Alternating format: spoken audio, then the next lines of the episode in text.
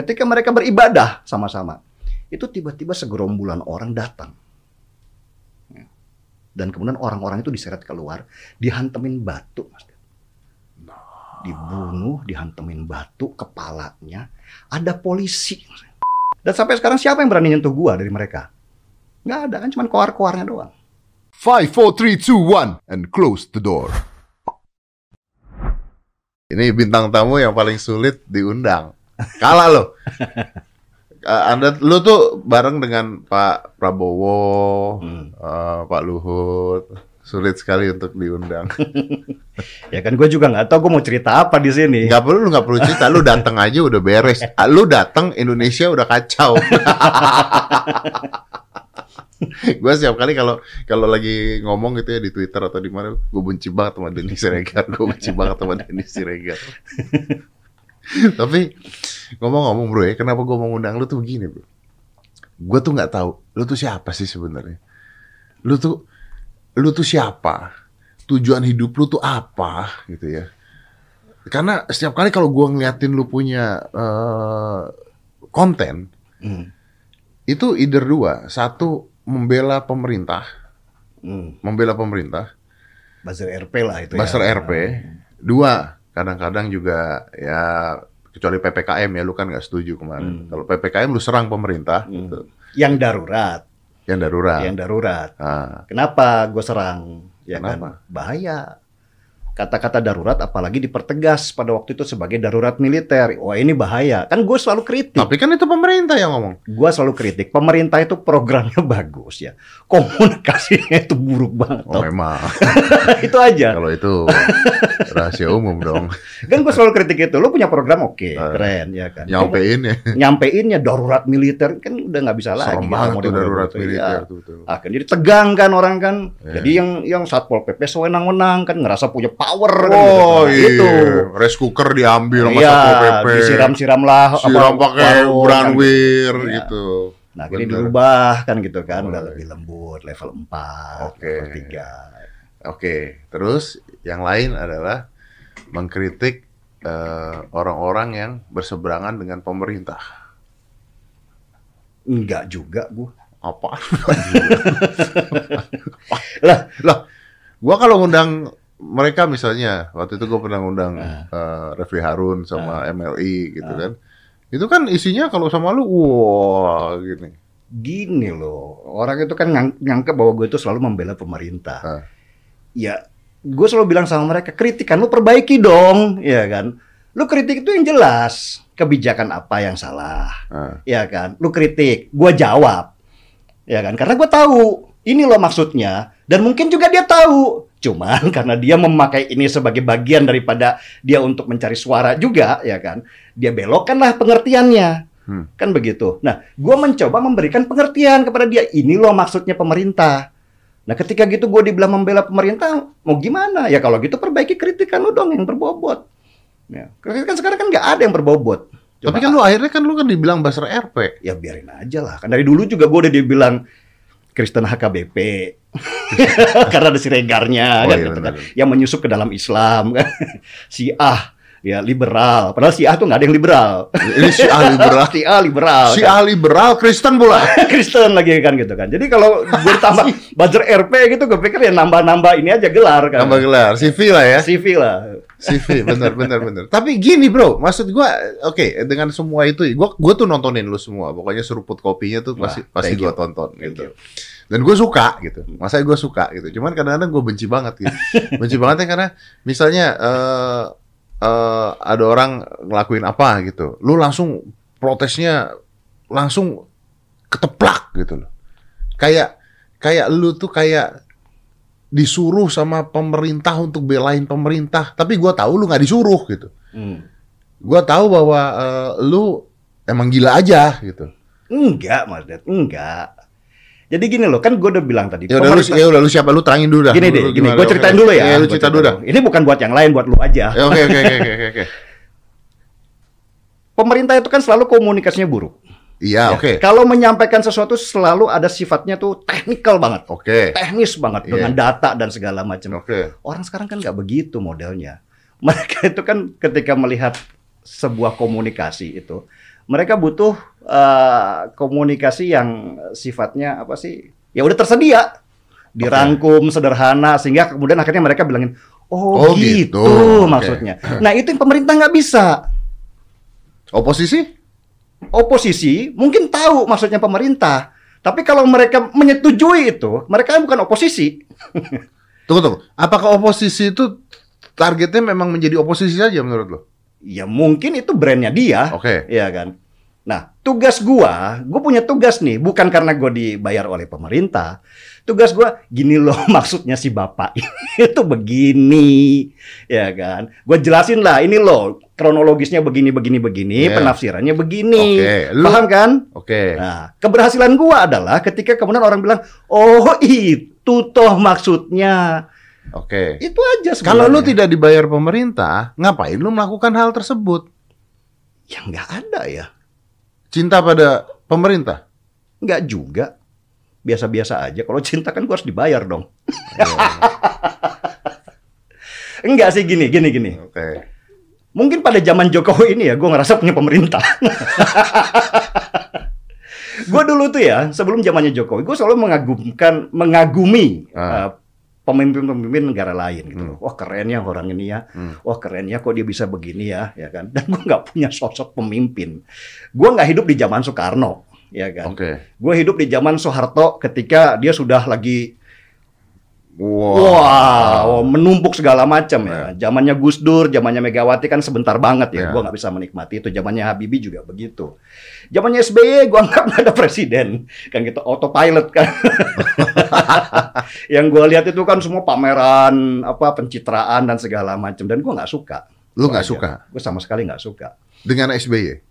Bukan, bukan dengan SBY secara personal ya, tetapi dengan cara orang-orang, cara keseluruhan dari pemerintahan. Konsepnya. Konsepnya. Konsepnya ya. Oke, Iya. bukan personal ya. Bukan personal, gue nggak ada ada kesukaan terhadap uh, personal, Oke. ya kan. Tapi Oke. lu kok fake sih kalian gitu, kan gitu kan? Isn't it pemerintah yang memang harus fake kadang-kadang kan? Ya tapi kan ini terlalu fake. Istilahnya lu dandan oke lah ya kan. Tapi bedak lu jangan ketebelan kan gitu kan. Jadi males banget kan gua deketin lu kan gitu tuh. Nah, ketika zaman Jokowi pertama kali, gue sih pada waktu itu dari awal ketika dia jadi wali kota Solo, gue melihat tuh rekam jejaknya dia. Terus kemudian dia jadi gubernur DKI. Gue ngeliat juga apa yang dia lakukan. Jadi bukan kepada Jokowi secara sosok. Gue nggak pernah mengidolakan sosok. Gue hanya melihat ada sesuatu yang dia lakukan, kan gitu. Nah, ketika kemudian kita diberikan sesuatu pemimpin yang baik, yang selama yang kemarin tidak ada dan gue selalu mencari jejaknya, masa dia nggak gue bela? Kasih gue contoh tapi pemimpin yang baik Jokowi itu gimana? Ya dia melakukan banyak hal buat Indonesia. Jalan tol, Petra, Freeport, panjang daftarnya Mas Ded. Ini kan yang selalu dulu selama 10 tahun pemerintahan SBY nggak pernah dilakukan dan selalu orang pada teriak. Gue yang kaget dari Pak Jokowi itu sebenarnya satu gitu. Eh, di luar setuju atau tidak setuju, tapi tiba-tiba di zaman pemerintahan Jokowi, ormas seperti FPI bisa disetop. Itu gila loh. Iya, Itu gila loh. Maksudnya di luar lu setuju atau nggak setuju untuk nyetop FPI ya. Iya. Tapi maksudnya eh itu nggak kelihatan dari seorang tampangnya seorang petarung, begitu petarung. ya. Beliau kan tampangnya begitu Pak Jokowi. Iya. gue pernah ketemu sekali. Gue pernah ketemu sekali dalam kondisi yang ya dia nggak kenal gue juga kan ah, pada waktu itu. Dia cerita banyak hal ya kepada kami tuh diundang tuh ya kan. Gue waktu itu masih jadi penulis lah belum masuk ke YouTube lah Oke. ya kan. Dia cerita tentang peristiwa eh, demo besar di 2016-2017. 2016 2017. Ah, tuh 212 itu 212. 212 411 itu kan. Tahu yang diceritakan apa? Dia bukan cerita membela siapa siapa siapa, tapi dia cerita gini. Kamu tahu nggak berapa dana yang dikeluarkan pemerintah hanya untuk eh, memberikan pengamanan supaya demo itu tidak menjadi rusuh? 100 miliar rupiah sehari. No. Dan 100 miliar. tahu Pak Jokowi ngomong apa? Bayangkan dengan dana itu berapa puskesmas yang saya bangun.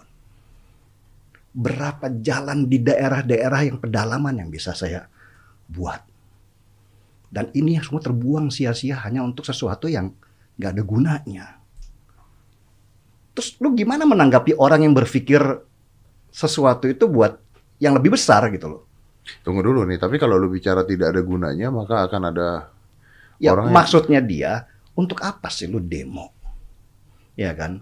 Daripada lu begitu mendingan sama-sama bangun. Hmm. Duitnya ada nih, ya kan? Tapi duit ini kan sia-sia kalau udah Tapi kan untuk masalah-masalah. untuk untuk orang-orang tertentu, maksudnya ini sebuah kasus penistaan agama Ya, yang harus makanya. besar, yang harus ini. Betul. Makanya itulah ketika dia melihat mungkin ya yang kayak gini-gini lebih besar dan akhirnya pengeluaran negara juga jadi lebih besar, ya berarti akar masalahnya tadi pun kan gitu aja daripada dipelihara, didiamkan hanya seperti apa ya, ya ada tapi eh, dibiarkan begitu aja. Yang ini yang tidak pernah dilakukan oleh pemerintahan SBY. Di pemerintahan SBY itu, minta maaf ya PSBY ya. gue cuman pengen me- me- apa, mereview dulu Mereview, pemerintahan 10 tahun itu. Di pemerintahan SBY itu kelompok-kelompok radikalis itu dipelihara.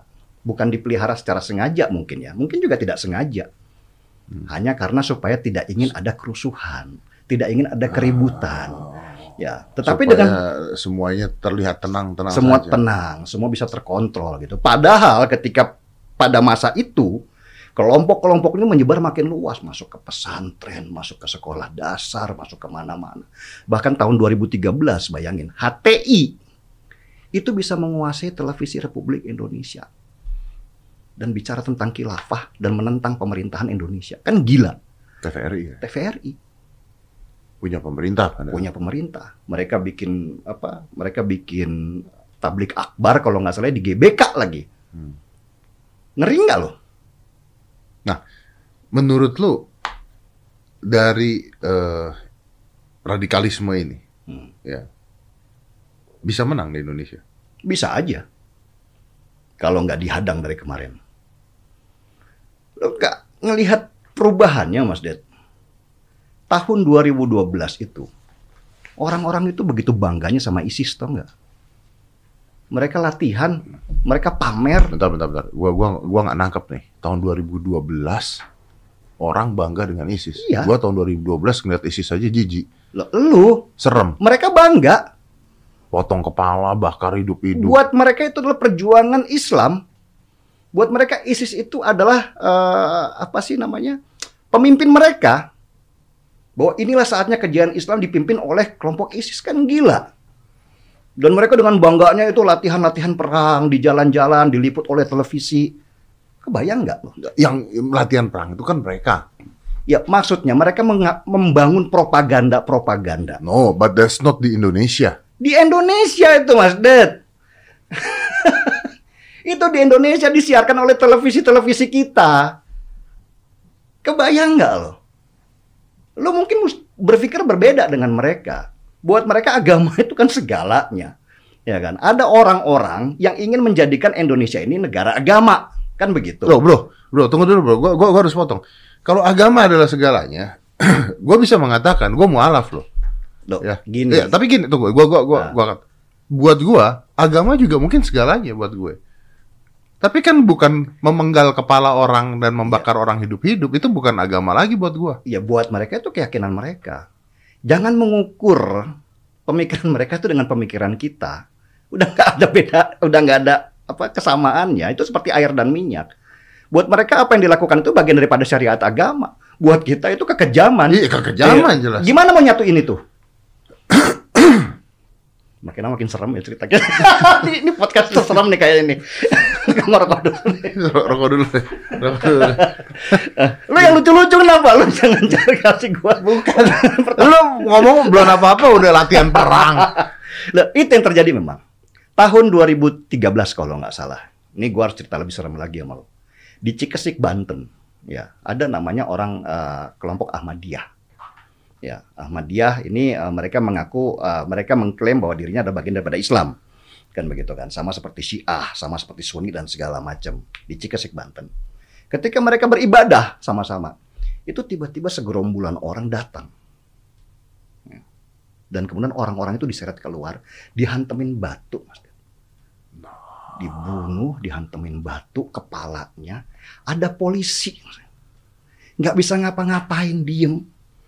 Ya, dan mereka teriak, teriak, ya kayak gitu. Ya, ya, ya. ya kan? Dan itu divideokan di YouTube dan disebarkan oleh mereka dengan penuh kebanggaan. Lu kebayang nggak ketika Tunggu, tunggu, tunggu. Itu, itu, itu pem- pemusnahan apa? nggak ada itu kebencian Terhadap Ahmadiyah. Ini Islam sama Islam. Buat mereka itu bukan Islam. Buat mereka bukan Islam. Buat mereka Islam itu ya mereka. Ya, yang mereka juga nggak ngerti Islam mereka tuh apa. Oh, pokoknya yang ini bukan Islam, ini bukan Islam, ini bukan Islam. Apalagi lu Kristen, ya kan? Apalagi lu Cina, kafir. Gua adalah paling Islam gitu. Jadi selama orang-orang yang yang mereka anggap tidak Islam itu, ya darahnya halal. Wah, nasib Islam mu'alaf gimana? Darah lu masih ada inilah. Masih ada. halal enggak halal enggak lu kebayang nggak? Gue memasuki zaman gue memasuki zaman zaman itu di media sosial.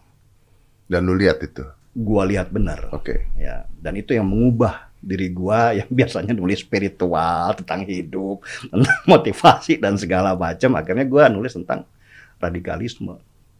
Kalau memang benar itu yang lu lakukan, artinya eh, lu melawan bukan geng lagi nih, melawan paham, ideologi ideologi dan paham.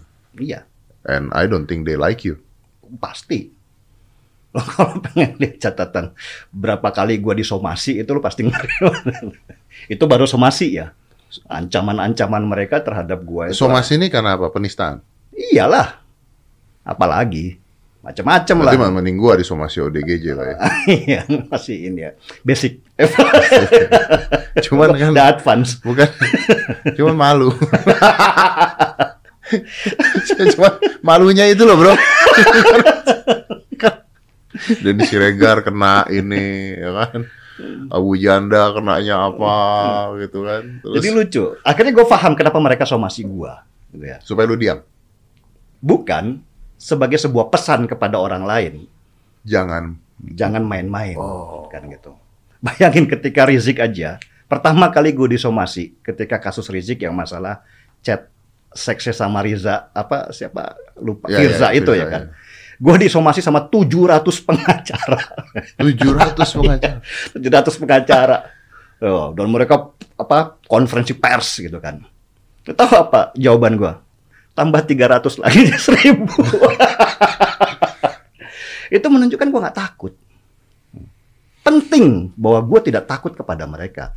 Karena gue tahu kalau gue takut Habis sudah. Bukan lu nya habis, bukan lu nya habis maksud gua. Bukan, diinjak. dan, dan- tidak akan muncul orang-orang yang berani bicara maksudnya kan. Mas Dad mereka tuh pengecut tau nggak? Ini gue bilangin ya. Orang pengecut itu ketika melihat orang itu kalah orang atau orang itu lemah makin diinjak. Tapi lu lu melawan mereka mereka diem. Itu yang selama ini gue lakukan. Dan sampai sekarang siapa yang berani nyentuh gue dari mereka? Nggak ada kan cuma koar-koarnya doang.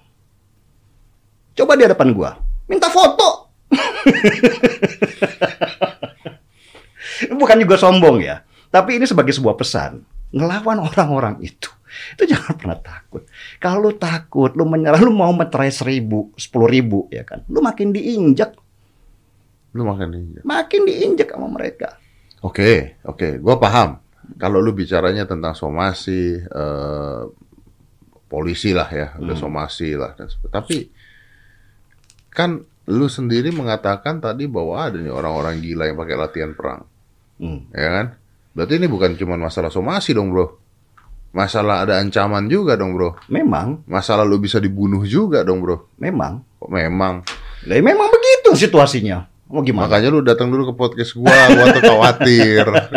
gua tuh tapi sekarang kan udah beda ya kan itu tahun 2012 2013 ya sekarang beda. sekarang beda Lu- Tapi lu pernah dapat ancaman dibunuh? tetap ancaman tetap buat gua Ada. oh banyak loh gua nggak pernah buka DM. apa- itu semua ancaman caci maki dan segala macam Oke, ancaman kan biasanya lu mengatakan kalau orang ngancam itu kan belum tentu melakukan.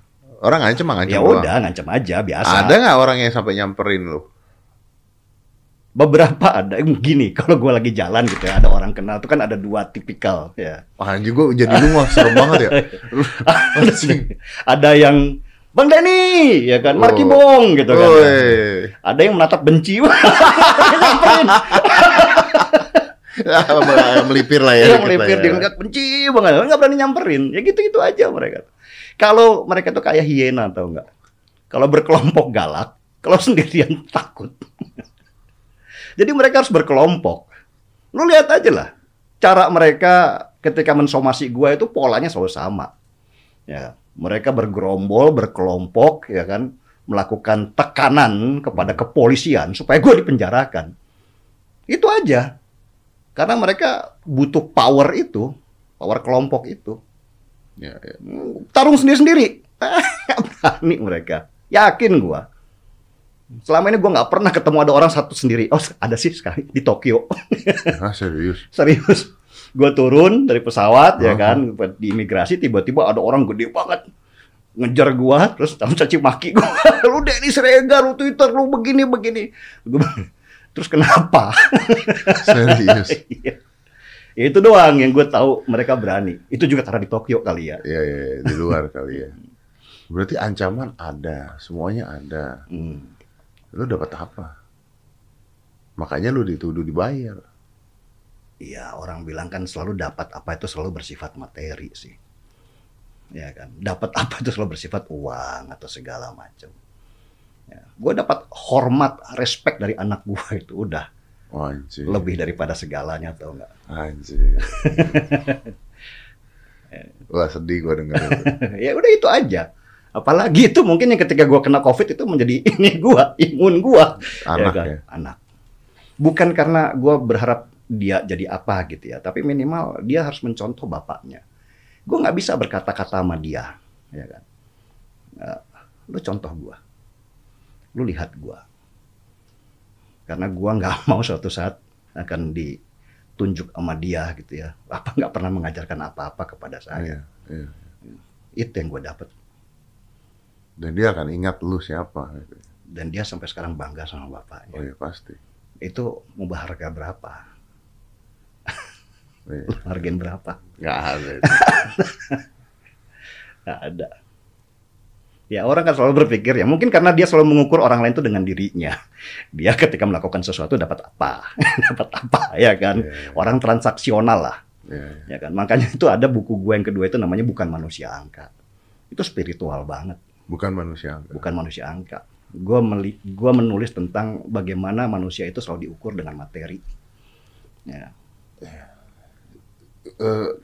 gue tuh suka berpikir begini. Kadang-kadang ketika orang-orang ini ya, gue juga tidak tidak ngelawan mereka secara fight dan sebagainya. Karena buat gue ya, lu mau bicara ya bicara aja. Tapi lu pernah berpikir nggak bahwa ini is pure ideologinya mereka, entah itu terorisme atau atau radikal, atau ini permainan politik sebenarnya? politik. Ini semua tentang uang, kekuasaan. Nggak ada yang murni ideologi itu. Ya orang-orang yang bodoh-bodoh aja yang menganggap bahwa itu ideologi murni. Kalau kalau misalnya ini bom bunuh diri, gimana? Siapa? bom Ya bunuh itu diri. Itu orang-orang bodohnya. Orang bodoh gue bilang. Ya, seharusnya kalau yang bunuh diri itu yang memerintahkan dia bunuh diri itu bunuh diri duluan. Ngapain dia nyuruh orang? itu aja. Ya, itu orang bodoh aja yang yang gampang dibilang bahwa lo masuk surga dan segala macam dengan bunuh diri. Tapi eh, konsep awalnya atau di atasnya is not about that ya. Bukan. Itu semua tentang kekuasaan, tentang uang. ISIS sendiri itu adalah perusahaan. Pada waktu uh, dia mau menguasai Suriah itu, kalau nggak salah dia punya aset sampai 20 triliun dari hasil penjualan artefak, Hmm. ya kan, sama minyak. Nggak ada ideologi, So this is about power. ya. Power, udah. Nggak ada yang lain. Bullshit ideologi. Nah, gue nggak pernah ketemu orang yang betul-betul ideologis gitu ya, kecuali orang-orang bodoh. Bodoh, fanatik. Dan banyak. Oh banyak banget. Orang bodoh di balut agama, mereka menjadi militan dan fanatik. Tapi ketika mereka sudah sampai di atas dan mereka tahu ininya, mereka kan jadi pelaku itu juga. Iya benar benar. Ya, duitnya gitu. iya. Ini kan mereka masih di level ini aja, apa eh, eksekutor. Kalau mereka sudah di konseptor gitu, mereka tahu tuh nikmatnya duit, ya kan nikmatnya dipuja-puja, bahkan nikmatnya wanita. Dan kan ditawarin wanita beberapa ya kan gitu buat kenikmatan. Eh, gitu aja sebenarnya. Orang munafik. Gue terlalu keras nggak ya? Enggak sih. Enggak sih. jangan maksud gue jangan sampai studi lu diserbu. Tapi kalau lu bicaranya gitu ya. Apa bedanya dengan misalnya pemerintah kita? Pemerintah kita ideologi atau power? Sama aja dong. ya gini lah, tidak ada yang sempurna di dunia ini. Nggak ada yang sempurna. Semua pasti punya banyak permasalahan. Tapi sekarang ini kan gini, mau sejelek-jeleknya apa pun pemerintah kita, mau sebangsat apa pun kita punya pejabat. Tapi yang paling penting adalah apa yang diperjuangkan oleh kakek nenek kita dulu dengan darah itu. Itu yang harus kita pertahankan. Masalah korupsi dan segala macam udah ada bagiannya. Ya kan? Tapi masalah ideologi kita jangan sampai ini hilang. Hmm. Negara kita jangan sampai hilang. Lu lihat aja Afghanistan. Waduh. Ya, lu kumpulin duit banyak-banyak, lu kaya ya kan. Lu punya rumah banyak ya kan ketika kamu ketika mereka masuk ya dan negara lu dirampas, apa yang lu lakukan? Kabur. Kabur udah. Kan nggak bisa kita begitu. Adit.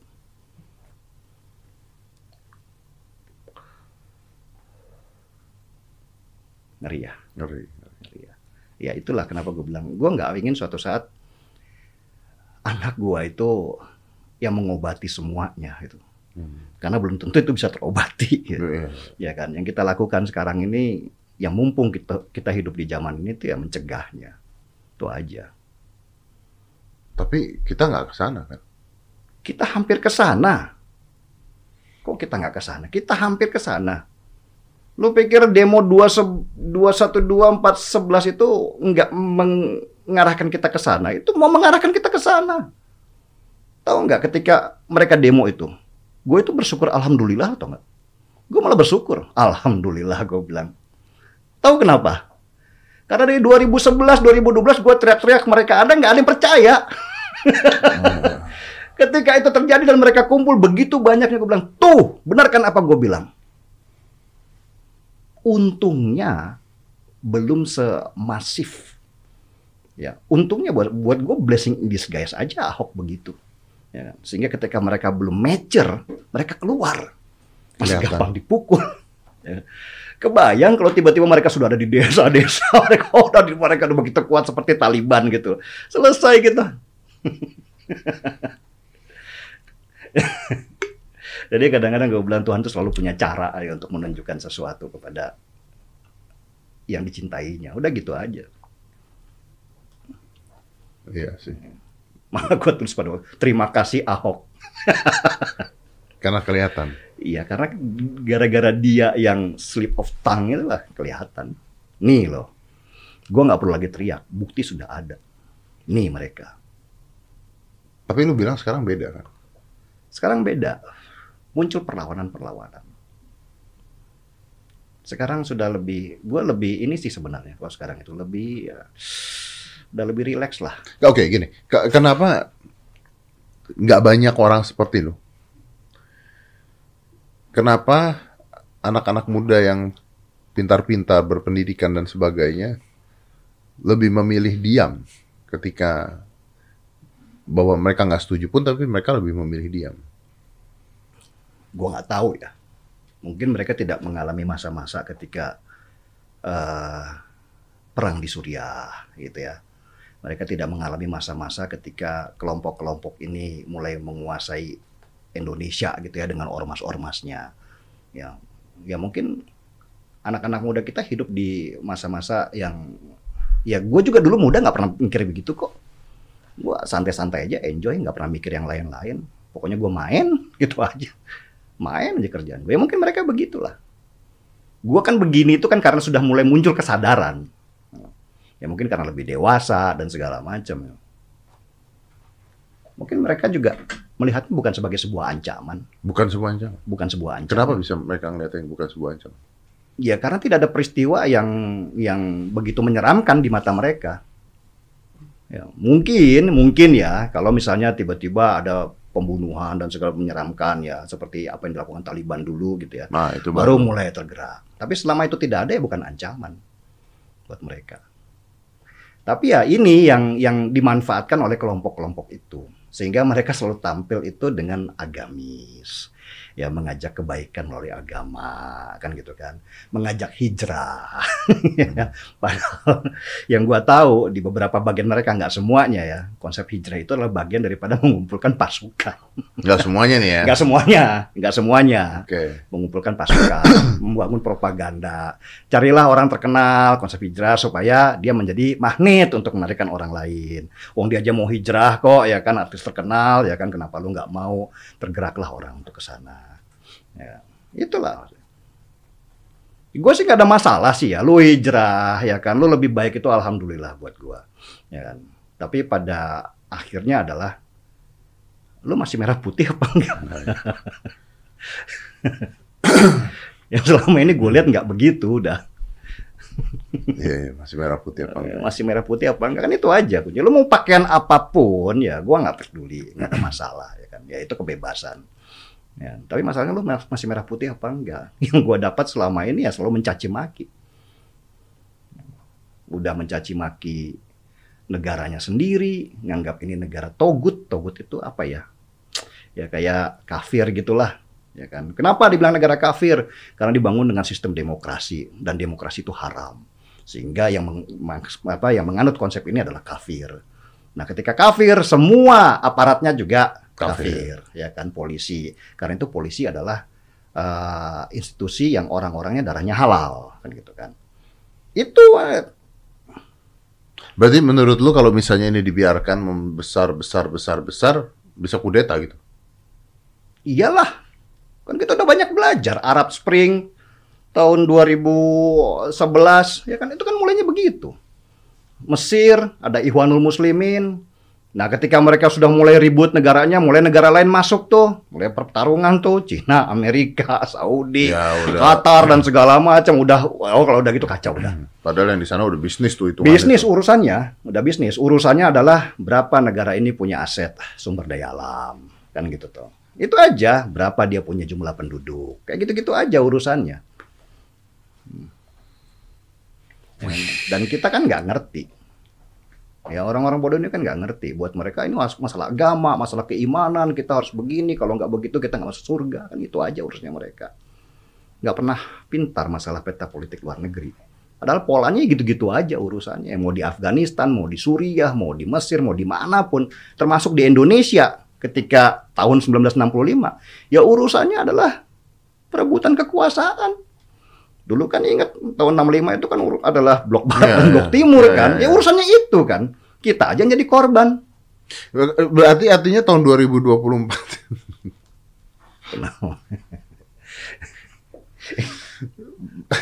Ini mau gimana gitu. bisa terjadi permainan politik agama dong? Atau sudah tidak kuat sekarang menurut lo? Buat gue malah sekarang negara lebih kuat karena sudah punya pengalaman. ya. Ah, Buat gue negara sudah lebih siap. Ya, itu yang membuat gue lebih rileks. Karena sekarang ini kan eh, orang-orang sudah mulai paham apa yang terjadi kan gitu kan ya, dan bagaimana mengatasinya.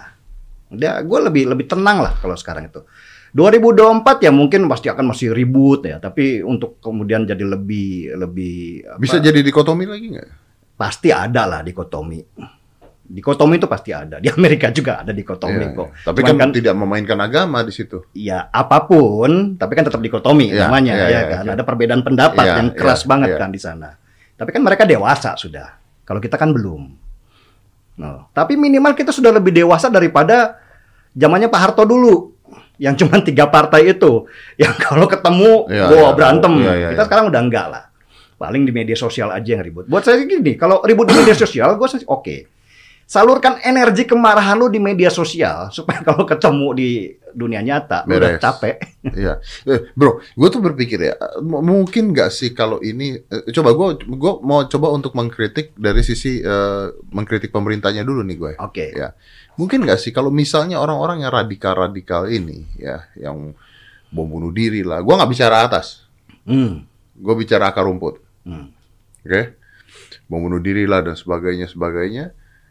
Karena mungkin kekecewaan yang terjadi di faktor ekonomi. Bisa jadi. Bisa jadi. Tapi kan ada beberapa kasus yang ternyata nggak begitu juga. Seperti contoh di Surabaya. Yang bom bunuh satu keluarga itu. Secara ekonomi mereka nggak ada masalah. Secara pendidikan mereka lulusan universitas terkenal.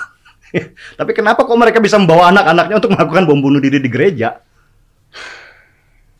Itu pure ideologi jadi. Pure ideologi. Nah, jadi kan udah bias kan. Jadi semua teori-teori bahwa radikalisme itu muncul karena pendidikan, muncul karena tekanan itu juga jadi hilang sekarang itu. Terus campur dengan ideologi. Itu kayak kena apa ya? Brainwash ya. Jadi manusia itu ya kayak gini loh. Mungkin kalau gua lu gua brainwash gitu ya. Iya. Ngapain lu mikirin dunia, Dedi, ya kan? Apa yang lu kumpulkan sekarang ini juga nggak ada artinya. Mati mati. Nah, gitu kan. Nggak ada dunia yang lebih indah, yang lebih kekal di alam sana ya kan. Dan lu kaya di sana. Ya kan. Lu boleh kaya di sini tapi lu miskin di sana. Lu mau kaya kapan? Mau di sini atau mau di sana? Ayo, dua-duanya dong. Ya, ini caranya. lu kebayang nggak tuh?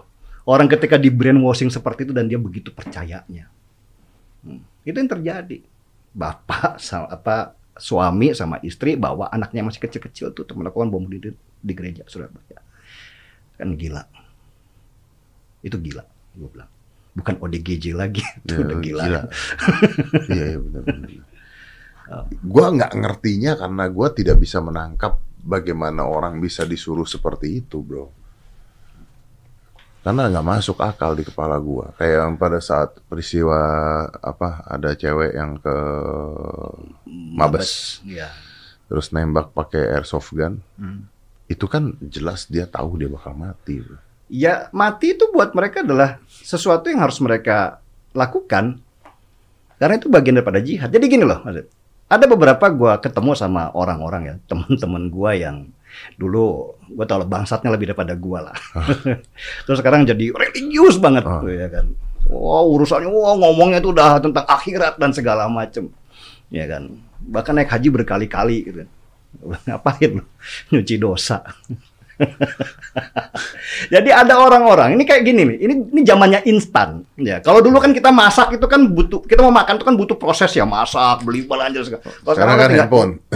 Enggak nyobek apa eh, mie instan itu Oh, ya, iya, terus iya, makan selesai. Ya beragama juga begitu sama mereka. Dipikir mereka dengan apa perbuatan lu yang lalu itu dengan gampang lu kemudian naik haji bolak-balik nyuci dosa lu kemudian nggak bisa begitu bro gue bilang. Ya, ada prosesnya. Jangan sampai lu kemudian berubah tapi lu menjadi lebih sombong kan gitu. Dan itu kesombongan-kesombongan yang rohani loh kalau bilang ya. Dengan menganggap yang misalnya gue bom bunuh diri depan lu. Itu kan karena gue anggap lu rendah. Lu itu bukan siapa-siapa ya kan. Lu itu orang yang memang harus diinikan buat jalan gua menuju surga. Gimana lu mau menjelaskannya secara rasional kepada mereka hal seperti itu? Lu gimana bisa menjelaskannya secara rasional? Nggak menurut bisa. gua, tapi menurut gua di hampir semua agama, bukan hampir semua agama, di semua agama, di agama apa pun termasuk Islam, kemanusiaan nomor satu juga. Ya itu kan buat ustadz-ustadz yang memang berakal. Tapi kan ada yang memanfaatkan ini untuk kepentingan dia juga.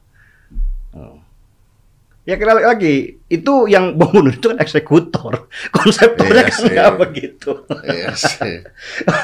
Konseptornya nggak punya Iya. ideologi, ideologi mereka duit, ya kan wanita, kan gitu. Itu aja power. Udah. Ketika gua dipuja-puja sebagai ulama gitu ya, ya gua manfaatin itulah buat kepentingan gua. Kalau mereka mau, ya mereka dulu dong harusnya bunuh diri. Tunjukkan tauladan lu kepada murid-murid lu. Ya kalau zaman dulu tuh ya, zaman eh, perang salib, perang apa itu gua kan nonton film-film ya. Hmm. Itu rajanya ikut perang. Betul, raja ikut perang, Rajanya ikut gagal. perang. Wah. Nah, ini kan enggak. Kamu harus begini-begini, bom bunuh diri. Dia cari lagi pengantin, brainwashing lagi dengan nama. Mereka dia sendiri masih hidup sampai sekarang. Ya. Nah. Kita menghadapi situasi seperti itu di zaman seperti ini.